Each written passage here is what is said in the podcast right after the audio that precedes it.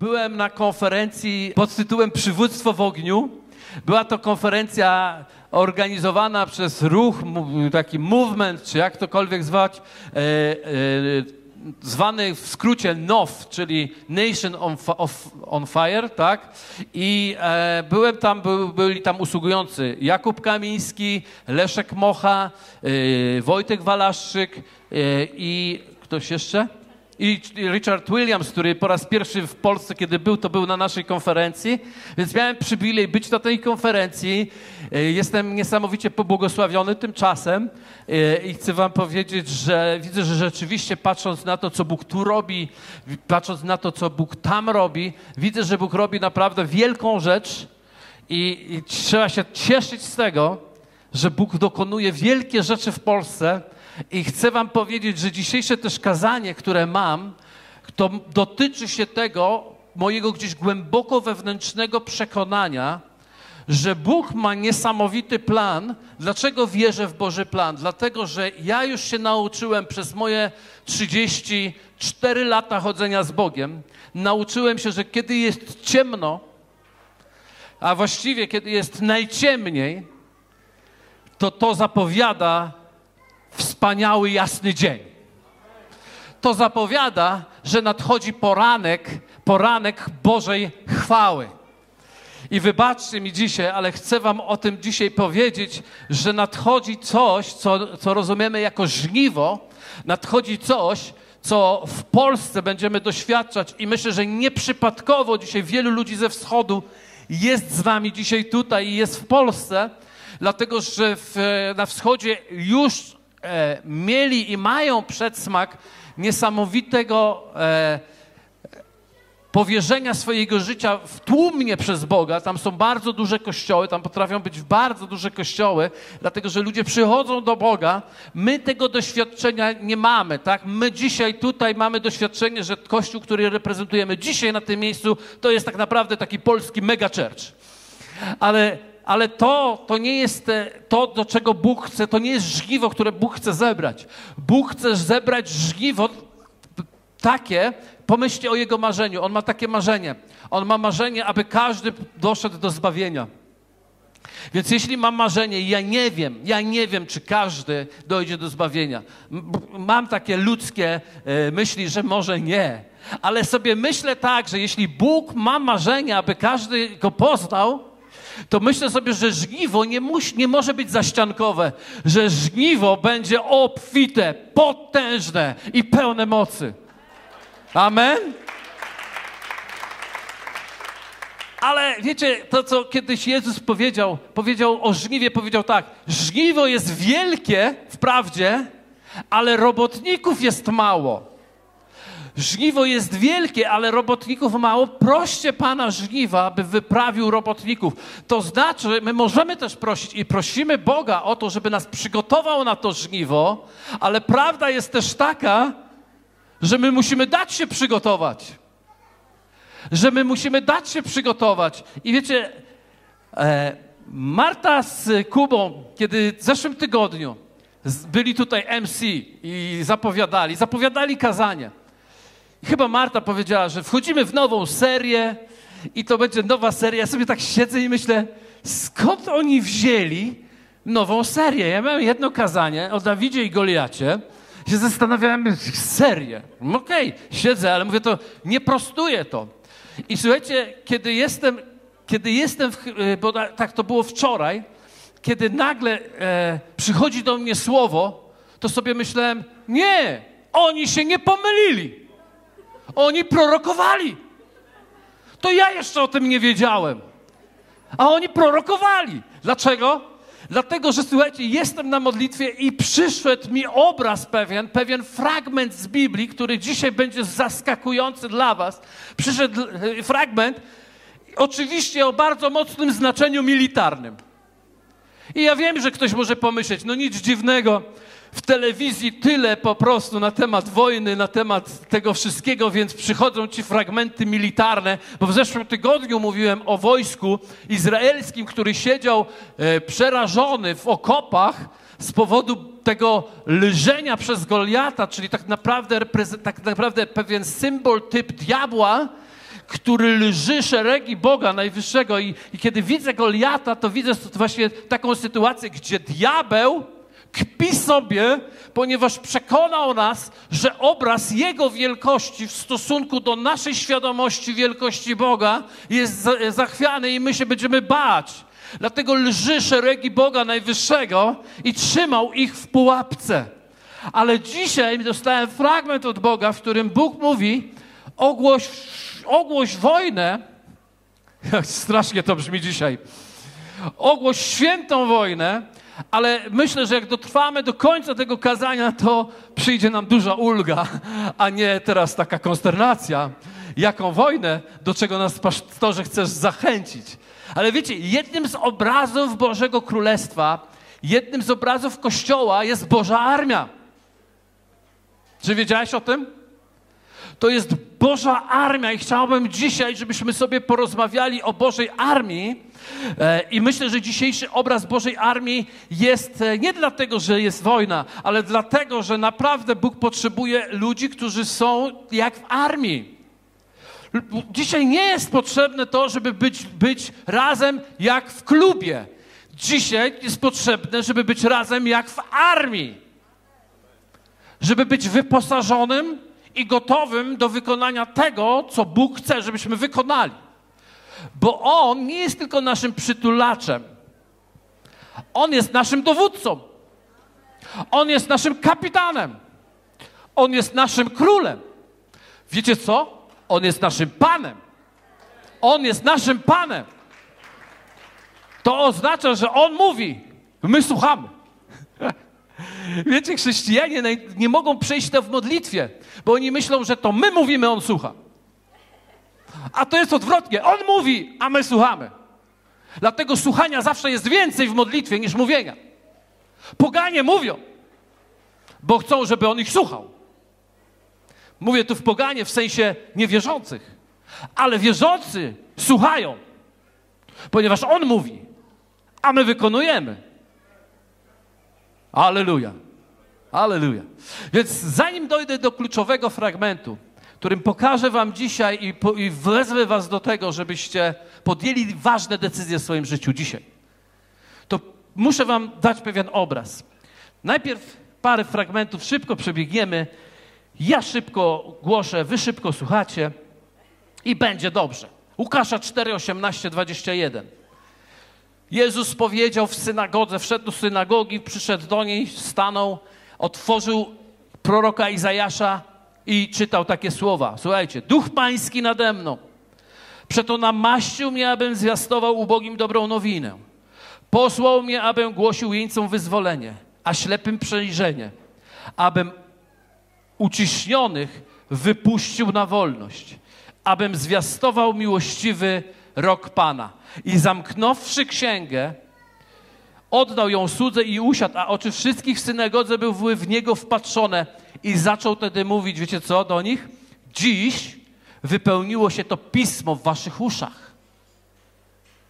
I to jest bardzo ciekawe, że Jezus wziął proroka Izajasza i przeczytał fragment, w którym zaczyna duch pański nade mną. Dlatego, że wszystko, co się dzieje w naszym życiu, wszystko, co się dzieje, uwierzcie mi, to nie są kwestie związane z naszą y, zdolnością zarządzania życiem. To są kwestie związane z naszym zdolnością poddania się Duchowi Świętemu i Jego prowadzeniu. Amen?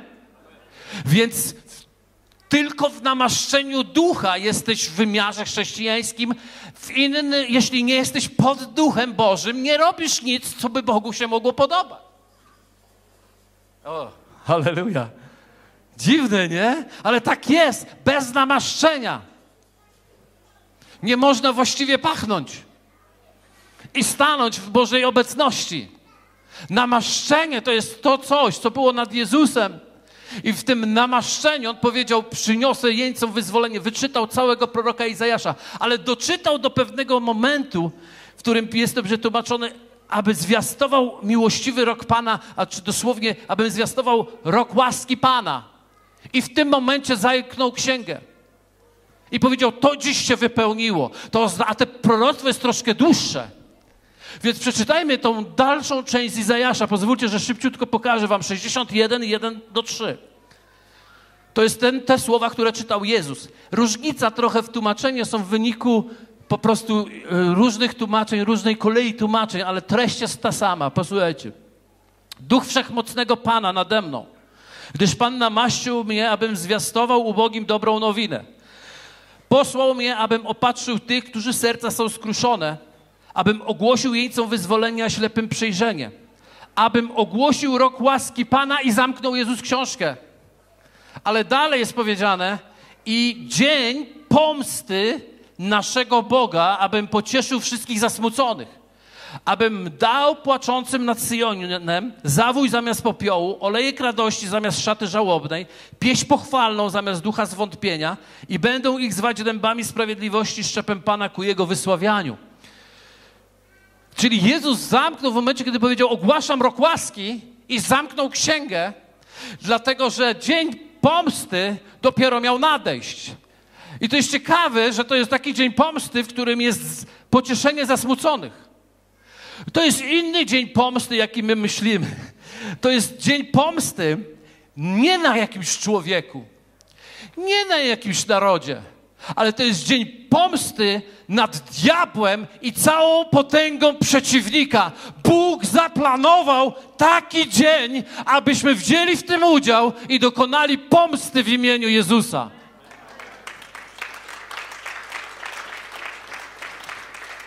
Ja wiem, że dzisiaj się ktoś tu może poczuć niewygodnie, dlatego że my myśmy byli przekonani, że Jezus przyszedł do naszego życia tylko, żeby nas tylko w, tej naszej, w naszych trudach i w naszych zmaganiach pocieszyć, wzmocnić, zapłacić nasze rachunki, przypilnować nasz samochód, ubezpieczyć nasze mieszkania od burzy, gradu, ognia i trzęsienia ziemi. Ale chcę Wam powiedzieć, że Jezus Chrystus nie jest Twoim sługą, On jest Twoim Panem. I On powołał nas, abyśmy ustanowili Go Panem, to znaczy postawili Go w pozycji, w którym to On decyduje, a my przestajemy już o sobie decydować. Przestajemy już o sobie decydować. Halleluja!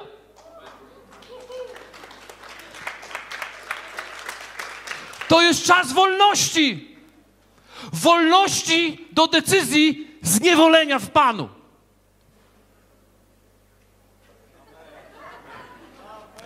Do wolności.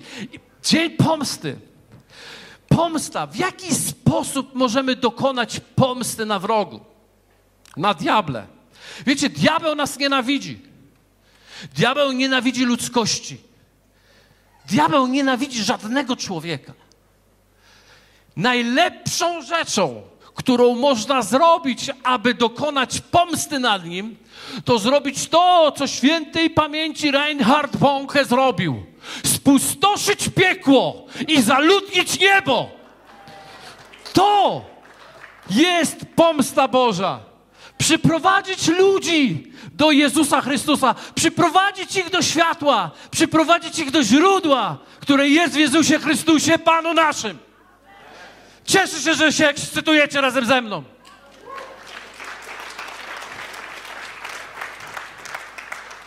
I teraz prorok Joel zapowiadał pewien dzień. Myśmy widzieli Jezusa, który został namaszczony Duchem Świętym. Wiemy, to stało się w Jordanie i kiedy przeczytał te słowa, powiedział, Duch Święty nade mną, powiedział, dziś wypełniły się te słowa. Ale teraz patrzcie, czytamy to w księdze Joela w trzecim rozdziale 1 do 2. I mówi tak, a potem Powiedzmy razem, a potem. Wyleję mojego ducha na wszelkie ciało. I wasi synowie i wasze córki prorokować będą.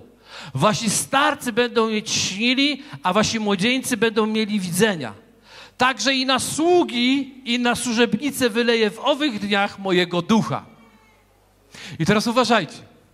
Kiedy Jezus zakończył służbę, mówił tak: Muszę odejść i to jest lepsze dla was. Dlatego, że kiedy ja odejdę, wtedy będę prosił Ojca mego, a On pośle wam innego Ducha Świętego, pocieszyciela, parakletę, towarzysza, wstawiennika, yy, adwokata, wspier wspierającego, doradcę, mocnego, dobrego, fantastycznego. On wprowadzi was we wszelką prawdę, we wszelkie poznanie, we wszelkie zrozumienie. I będziecie dokonywać większych rzeczy niż ja, bo ja idę do Ojca.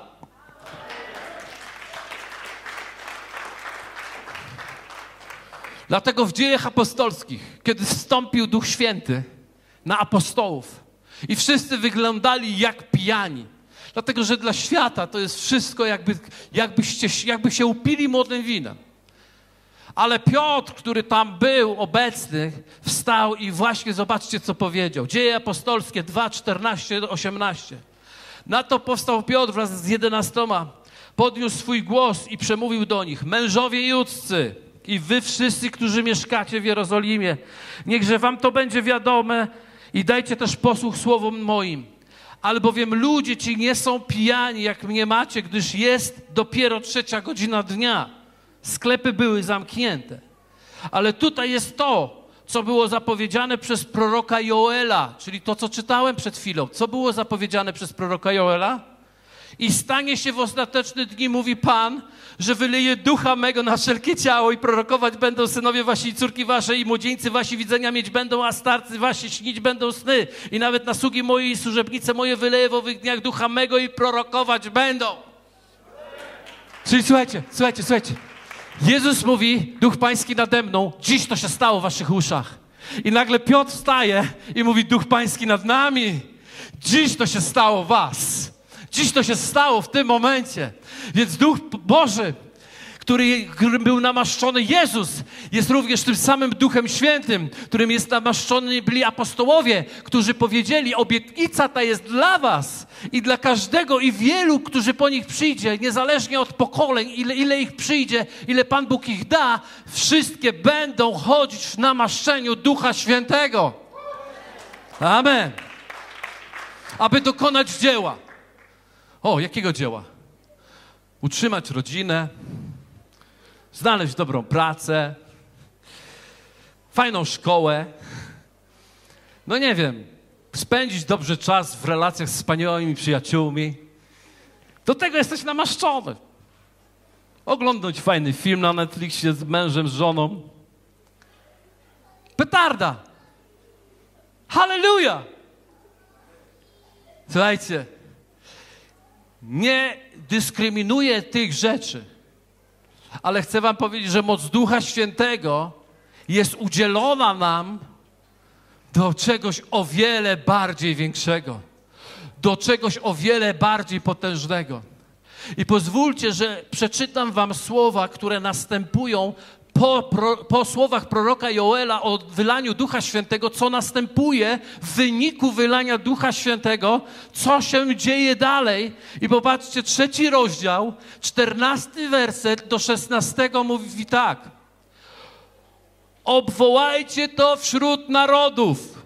Ok? Ile mamy? Polska, ręka do góry. Ok, na dół. Ręka do góry Ukraina. Wspaniale. Białoruś, ręka do góry. Jest, jest, jest. Kto jeszcze jest? Jest ktoś z innego jeszcze kraju? Ze, ze Śląska. Pokutuj, bracie. Pokutuj, bracie. Mnie zawsze pytano, jak y, rodzina, która ze środka Polski jest, mówi tak, y, bo że ja z Wrocławia, to mówi tak, ale jakby co, to wracasz do Polski, czy zostajesz we Wrocławiu? Okej, okay, można i tak. Więc wśród narodów, są obecne narody, więc ja to ogłaszam wśród narodów. Są tu narody. Ogłoście świętą wojnę. Powołajcie pod broń bohaterów. Niech przyjdą i wyruszą wszyscy wojownicy.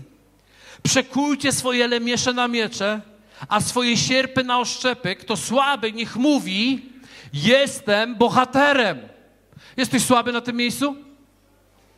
Jesteś słaby? Ręka do góry. Nie bój się. Słabość to tak słaby, że ręki nie mogę podnieść. Okej. Okay to powiedz razem ze mną, jestem bohaterem. Wiecie, musisz zacząć najpierw prorokować, zanim to zamanifestuje się w twoim życiu. Więc musisz mówić pewne rzeczy do siebie. Ale Joel mówi, że kiedy wylany zostanie Duch Święty, to jest moment, w którym Bóg ogłasza świętą wojnę. Dlaczego? Dlatego, że on jak odchodził do nieba, powiedział tak: Dana mi jest wszelka władza na niebie i na ziemi. Oto idźcie i czyńcie uczniami, co? Wszystkie narody. Więc ogłoście to wśród narodów. Po, ogłoście świętą wojnę. Pod broń, bohaterzy niech przyjdą. Przekujcie wasze lemiesza na miecze. To oznacza, że Bóg powołuje ciebie i mnie nie na członka kościoła. Mówiłem dzisiaj do tych, co tu przyszli. Mamy za dużo członków kościoła. Potrzebujemy powołanych do armii żołnierzy. Powołani, którzy mają broń. Którzy wiedzą, co mają i wiedzą, kim są. Ale jeśli myśleliście, że ja doszedłem do któregoś z fragmentów, które ja dostałem od Boga na dzisiaj, to jeszcze nie. Teraz jest clue, do którego chcę wam powiedzieć. Otóż się zastanawiałem, dobrze, jesteśmy powołani do armii. Pamiętam takie te oazowe rzeczy, które robiliśmy. Słyszę już armii Pana głos. Słyszę i maszerowaliśmy dookoła sal w, w pląsach. Fantazja! Fantazja, ja to kocham. Jak ktoś się zdecyduje na pląs, ja jestem pierwszy w pląsie. Ale chcę wam powiedzieć, że bycie w Armii Bożej jest czymś więcej niż bycie w pląsie. I mówię, Panie, czym jest Armia Boża? Czego oczekujesz od poborowych? Jakie przygotowanie jest istotne, które Ty oczekujesz od nas, żeby mógł być zaliczony w szeregi Boga Najwyższego? Ja chcę być w szeregach Boga Najwyższego. W jaki sposób to jest? I teraz ten fragment. Słuchajcie, on wyskoczył z sufitu, na, tam gdzie byłem, w czasie modlitwy, nie w czasie oglądania y, wiadomości, tylko w czasie modlitwy, po godzinnej modlitwie, jak mnie trzepnęło, powiedziałem, muszę to powiedzieć. Nie wiem, czy ja to rozumiem, nie wiem, czy ludzie zrozumieją, co powiem, ale ja muszę to powiedzieć. I słuchajcie, o Armii Bożej, jak ona wygląda i jakie ma cechy, jest również w księdze Joela. Jest w księdze właśnie Joela. Zobaczcie, w drugim rozdziale, pozwólcie, że wam to przeczytam. Jest powiedziane tak, od 7 do 8. Biegną naprzód, to jest o armii, która ma dokonać pomsty. Posłuchajcie. Biegną naprzód jak bohaterowie. Wdzierają się na mury jak wojownicy. Każdy idzie prosto swoją drogą i nie zbacza ze swojej ścieżki. Nie wypiera jeden drugiego, każdy idzie swoim torem. Prą naprzód wśród pocisków, a w ich szeregach nie ma przerw. Ja to przeczytałem, słuchajcie. Ja już nie mogłem tego dnia myśleć o niczym. Ten fragment czytałem dziesiątki razy. Ja nie wiem, czy nie ze ponad sto razy nie przeczytałem ten fragment. On do mnie cały czas mówił, on mi się śnił. On do mnie przemawiał. I się zastanawiałem, Boże, co to mnie nawiedziło, czy jak, już ze mną nie halo. I tak sobie pomyślałem, to jest coś, co jest gdzieś głęboko w sercu Bożym i to jest coś, co naprawdę Bóg chce, żeby kościoły przekuli swoje lemiesze na miecze. Lemierz to jest pług. To jest część pługu, to jest, to jest coś, co się używa żeby orać własną ziemię. I on chce, żeby to przekuć, coś, co ora twoją ziemię, na miecz, co będzie chronić cały naród. Jest. Czujecie to? On mówi, orką ja się zajmę. Twoim polem ja się zajmę. Ty się zajmij narodem, przekuj swoją troskę o swoje pole i o swoje żniwo i o swoje e, zboże i o swoje spichlerze. Przekuj tą troskę na troskę o naród, o moje królestwo i o to, żeby dokonać pomsty, wygonić diabła z tego kraju i zaprowadzić porządek Ducha Bożego na tej ziemi. To jest pomsta mojego Boga. Więc słuchajcie, zacząłem czytać i słyszę, biegną naprzód jak bohaterowie. Pierwsza rzecz, biegną naprzód jak bohaterowie. Kiedy ja słyszę słowo bohater, myślę, że wielu z Was tak słyszy, od razu mówimy o bohaterskich czynach. Widzimy o bohaterskich czynach, czyli ktoś, kto to zrobił i teraz jest bohaterem, wszyscy go podziwiają i większość chce być bohaterem, tylko nikt nie chce zapłacić tej ceny tego bohaterskiego czynu. Amen? Pamiętacie, jak się wzruszaliśmy, że na tej wyspie wężowej ich tam. Ale wow, bohaterzy. I są bohaterami. Tak? I potem ożyli. I, i, I, widzicie, to jest tak. Super być bohaterem, super być zapamiętanym bohatersko, ale nikt nie chce oddawać życia. A pozwólcie, że powiem wam, czym jest bohater.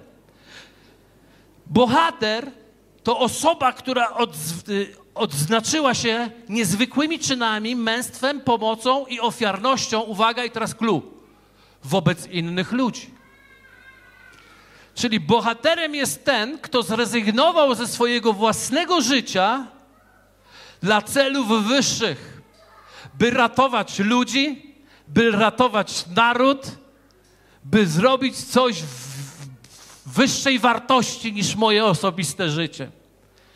Więc bohater, który przenaprzód, to nie jest ten, którego wszyscy podziwiają, tylko to jest ten, który zdecydował się umrzeć dla samego siebie, aby swoje życie przeznaczyć dla innych. Y, macie ankiety poborowe? Odhaczcie sobie ten punkt. Tak, zrezygnowałem ze swoich przyjemności. Tak, zrezygnowałem ze swoich planów, marzeń, rzeczy. Jeśli będą się zrealizują, halleluja. Ale jeśli się nie zrealizują, ja nie zrezygnuję z tego tytułu, aby być Bożym bohaterem. Cicho się zrobiło w tym kościele dzisiaj. Ale widzicie, to jest właśnie miejsce bohaterstwa. Bohaterstwo to jest to miejsce, w którym ktoś umarł dla siebie samego. Ktoś oddał siebie samego do pełnej dyspozycji Boga i kto żyje już tylko dla innych ludzi żeby ratować ich, wyrwać ich z ręki wroga i zaprowadzić do Ojca.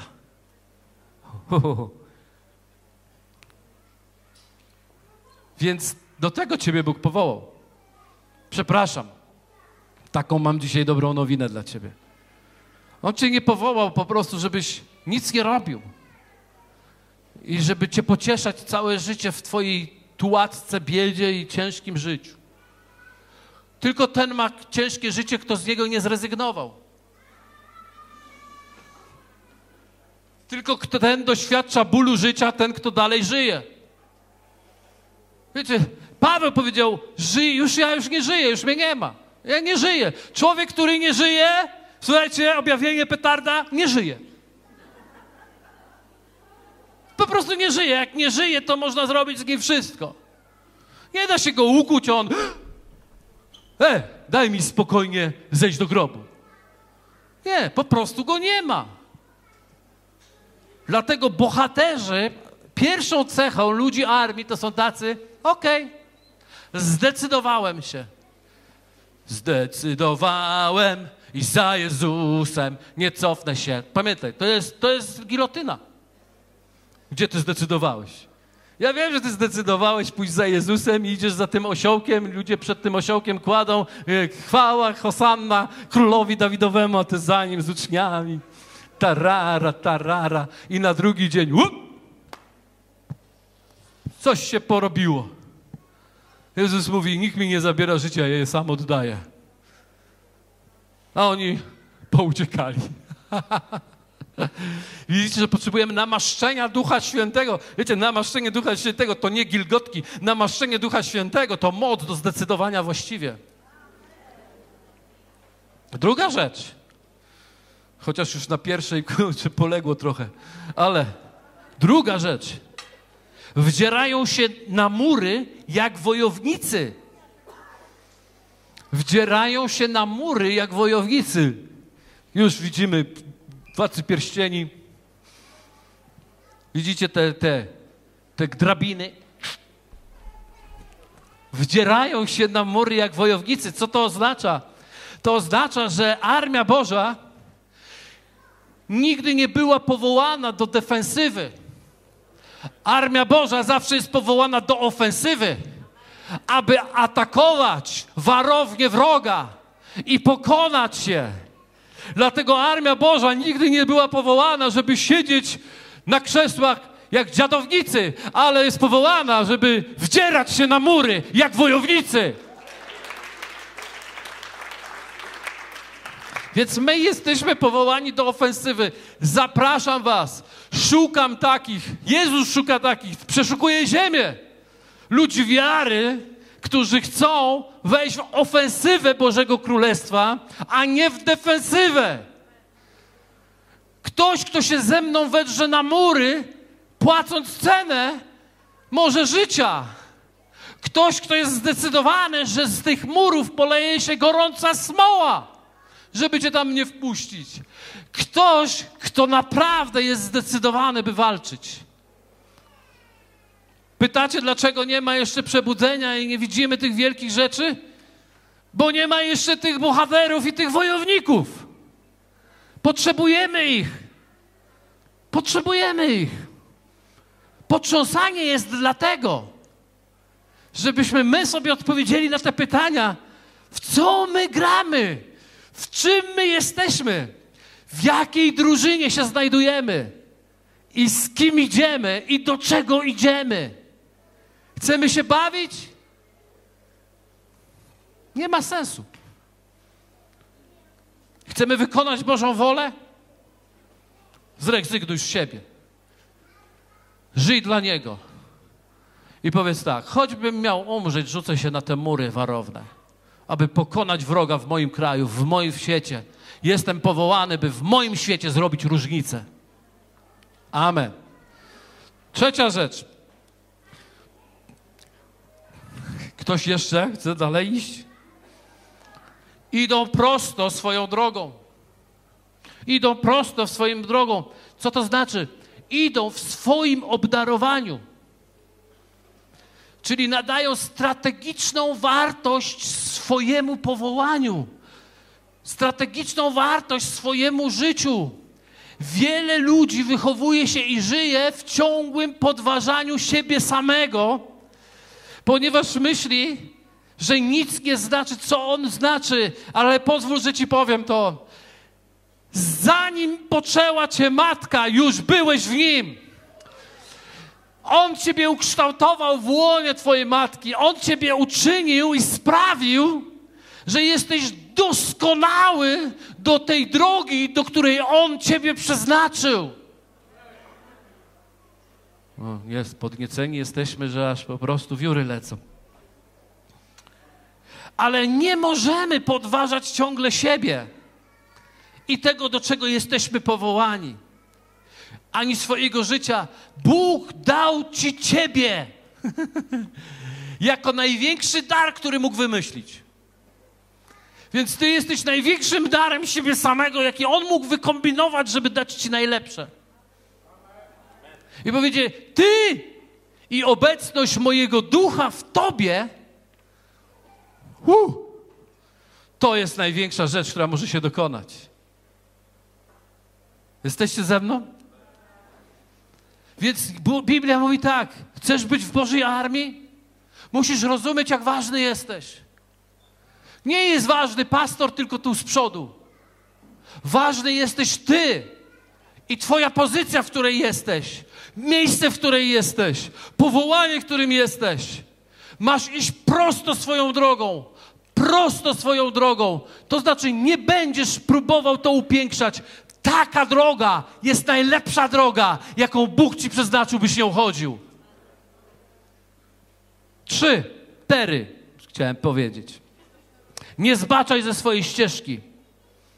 Nie zbaczaj ze swojej ścieżki. Co to oznacza? Nie rezygnuj. Nie poddawaj się. O, nie ma znaczenia. Chyba sobie wszystko odpuszczę. Absolutnie. Ten, który jest w Bożej armii, on sobie po prostu nie odpuszcza. Człowiek, który jest w Bożej armii, on wie, że jego droga jest bardzo ważna. Dlaczego? Dlatego, że za chwilę zobaczycie, że armia ma znaczenie, jeśli jest armią, czyli jest połączonymi naczyniami, połączonymi wojownikami, bohaterami, w którym każdy, każdy wypełnia swoją rolę. Każdy wypełnia. Więc każda rezygnacja jest osłabieniem armii, każda rezygnacja jest osłabieniem nas. Każda rezygnacja. Dlatego my potrzebujemy być razem i budować to jako ciało. Armia to jest od, od, od ramion. Kuba, mogę ciebie, ty bardzo często jesteś używany przeze mnie. Ale armia znaczy, znacząca jest wtedy, kiedy jest ramię w ramię. To jest po angielsku arm. ramię w ramię. Nawet mówimy, że, mamy, że jesteśmy ramieniem zbrojnym. Dlaczego? Dlatego, że wiem, że ktoś jest koło mnie. I ja wiem, że on nie tylko jest koło mnie, ale on, on nie zejdzie ze swojej ścieżki.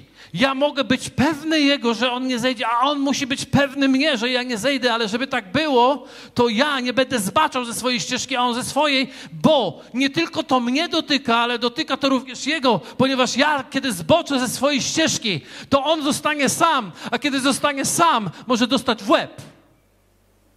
Ale kiedy ja tu będę, i może właśnie dlatego, że ja tu będę, nie dostanie w łeb, dlatego że ja przy nim będę. Widzicie to? Więc armia to jest ludzie, którzy są połączeni i stoją w jednym szeregu. I zostań tu, Kubuś, jeszcze, mam nadzieję. Co dalej jest powiedziane? Nie wypierają jeden drugiego. Ja nie, nie chcę wchodzić w jego rolę. Ja nie chcę go wyprzeć. Ja nie chcę pokazać, że jestem lepszym bohaterem. Dlaczego? Dlatego, że w Bożej armii każdy idzie swoją ścieżką, każdy szanuje tego drugiego i każdy szanuje najpierw siebie, że to ma wartość, strategiczną wartość. Moja obecność tu ma strategiczną wartość, jego obecność tu ma strategiczną wartość dla niego i dla mnie i dla każdego. Więc jak ja go wyprę, to może zabłysnę chwilowo, żeby szybko stracić głowę.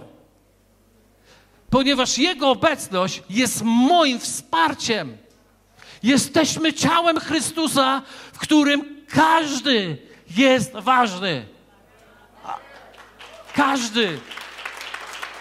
A jeśli mówisz, że jesteś tym najgorszym z tych wszystkich, to chcę ci powiedzieć, że On obdarzył największą czcią tych najgorszych.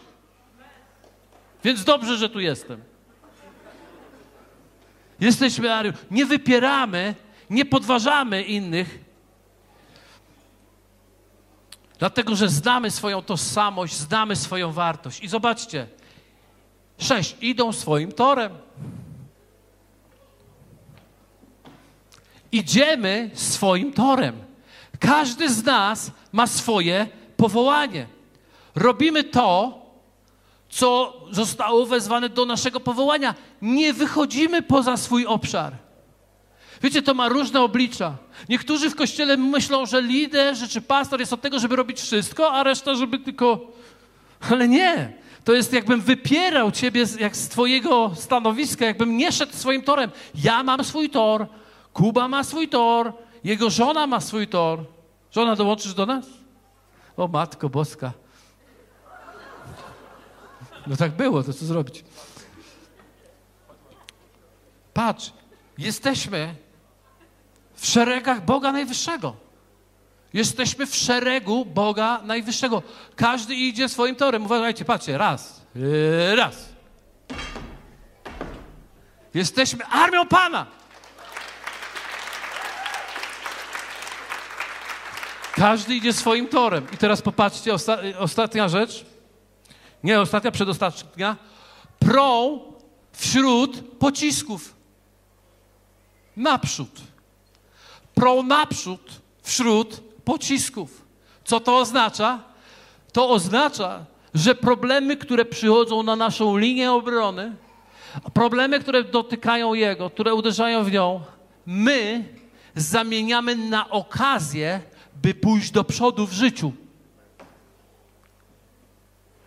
Problemy nas nie wycofują w Armii Bożej. Problemy nas powodują, że my przemy naprzód wśród pocisków. To one powodują, że jesteśmy silniejsi, mocniejsi, bardziej zdeterminowani i zdecydowani. To jest, słuchajcie, lepsze niż Netflix. Absolutnie. To jest coś niesamowite. I teraz posłuchajcie, to jest, to jest piękne. Idą w szeregach, które nie mają przerw. Po pierwsze, nie mają przerw. Odsuń się dalej, ty się odsuń, ty zostań. To są szeregi, które nie mają przerw. Czyli rozumiemy, jak ważne jest być w szeregu. Szczególnie w pierwszym szeregu. Jeśli ktoś jest w pierwszym szeregu i ma przed wśród pocisków, oni otwierają drogę dla wszystkich, którzy idą za nimi. Oni otwierają tą drogę dla wszystkich, którzy idą za nimi, ale oni są na tej szpicy bojowej i nie może być tu przerwy. Dlatego jest powiedziane, nie ma przerwy w szeregu, tylko nie ma przerwy w szeregach. Czy mogę szybko trzy osoby poprosić?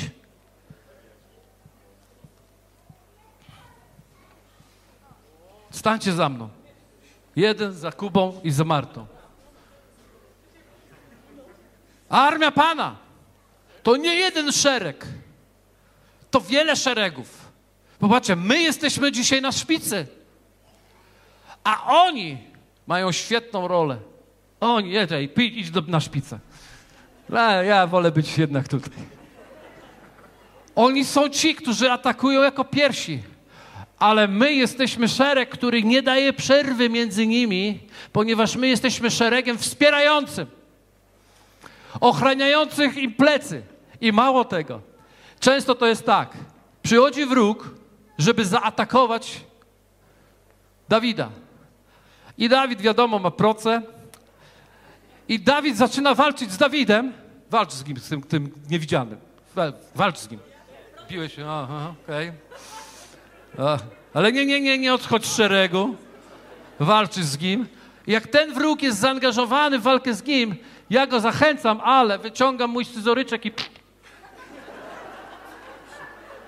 pomagam pokonać ich wrogów. Amen? Wróć do, do tyłu. Zatem odwróćmy się w lewo zwrot. Yy, tutaj w szeregu, dobra? Szereg. Szereg, tak. No jesteśmy, tak, uczymy się. Mhm. My trochę jak rosyjska armia.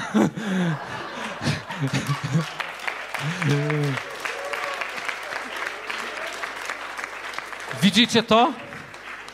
Jest pierwszy szereg, jest drugi szereg, jest trzeci szereg. W kościele albo jesteś na szpicy, albo jesteś w swoim szeregu, który wspiera, albo wspierasz, albo jesteś w ataku. Nie wszyscy naraz atakują, to jest bałagan ale jesteśmy w szeregach Boga Najwyższego, więc wspieramy. I to jest w porządku, ale nie ma trzeciej opcji. Nie ma obserwujących. Wszyscy są w bitwie Bożej. Każdy idzie, słuchajcie, każdy jak bohater, czyli zrezygnowali ze swoich żyć na rzecz innych, na rzecz wartości, które są przed nimi wdzierają się na mury, czyli decydują się, że nie będą tylko chronić, dotrwajmy jakoś, antychryst nadchodzi, diabeł nas już połyka, tylko przeczekajmy. Nie! Oni napierają, ponieważ Biblia mówi, że bramy piekieł nas nie przemogą. To nie, że brama chodzi i atakuje Kościół. To Kościół atakuje bramę. Widzieliście chodzącą bramę? Więc brama nie przemoże, to znaczy nie zatrzyma tych, którzy napierają. Więc jesteśmy powołani, by napierać. Oni wszyscy zdecydowali, że mają wartość w królestwie, że mają znaczenie, uszanowali swoje powołanie i nie schodzą z niego, choćby nie wiem, co się działo, ale prą, mimo pocisków przeciwnika, który próbuje ich uderzyć, prą i zamieniają w pociski w finanse pomagające im przeżyć. Dojrzewają, rosną, nie ma przerw pomiędzy nimi i mają szereg, który ich wzmacnia od tyłu. I kolejny szereg, i kolejny szereg. Dziękuję Wam bardzo. Piękna armia. Jeszcze musimy poćwiczyć. Zatem Bóg powiedział do mnie, że On chce dokonać wielkich zmian. I chce, żebyśmy zebrali ogromne żniwo. I aby z naszych pól, gdzie jest nasze żniwo, pogonić ptaka wyżerającego ziarno. I całe te stada. I dlatego On powołuje Armię Bożą. I ja mam dzisiaj pytanie do Ciebie. Czego chcesz od życia? Kim chcesz być? Po co jesteś? To są pytania, które naprawdę trzeba sobie zadawać. Ja wiem, że my zaczynamy sobie zadawać je na pogrzebach, żeby potem to szybko jakoś wyczyścić, ale to są dobre pytania, które mówią tak: czy jesteś gotowy zrezygnować z siebie samego? Ktoś mówi: Ja nie jestem gotowy. No to jesteś, to, to, to wiecie co? Powiem tak. Żeby ci, dla ciebie było jasne. Dlaczego nie masz wyboru? Otóż bycie w Armii Bożej to jest jedna z najtrudniejszych rzeczy, jaka jest w życiu. Jedna, to jest naprawdę bardzo trudne. Słuchajcie, naprawdę bardzo trudne. Jest tylko, i właściwie jest tak trudne, że jest tylko jedna rzecz gorsza od tego. Nie być w tej armii. Dlatego nie ma wyjścia. Ktoś powie, jak to nie ma? Nie ma. Wróg atakuje. Nie mamy wojny. Nie, mamy wojnę. Mamy wojnę z komfortem, mamy wojnę z materializmem, mamy wojnę z lenistwem, mamy wojnę z, z pornografią, mamy wojnę z alkoholizmem, mamy wojnę z wieloma niewolami, które diabeł przygotował i zasadził łańcuchami nad naszym krajem. Ale chcę wam coś powiedzieć. Jest potęga tym imieniu Jezus.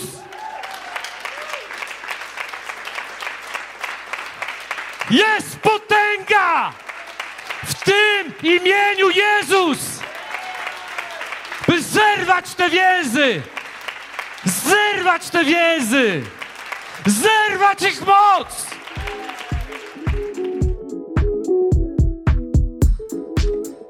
Dzięki za odsłuchanie podcastu Kościoła Wrocław dla Jezusa. Przesłanie było dobre, prawda? Gwarantujemy, że to nie tylko teoria. Teraz Twój ruch, by zastosować je w swoim życiu. Jeśli chcesz dowiedzieć się o nas więcej, odwiedź stronę wdj.pl. Do usłyszenia!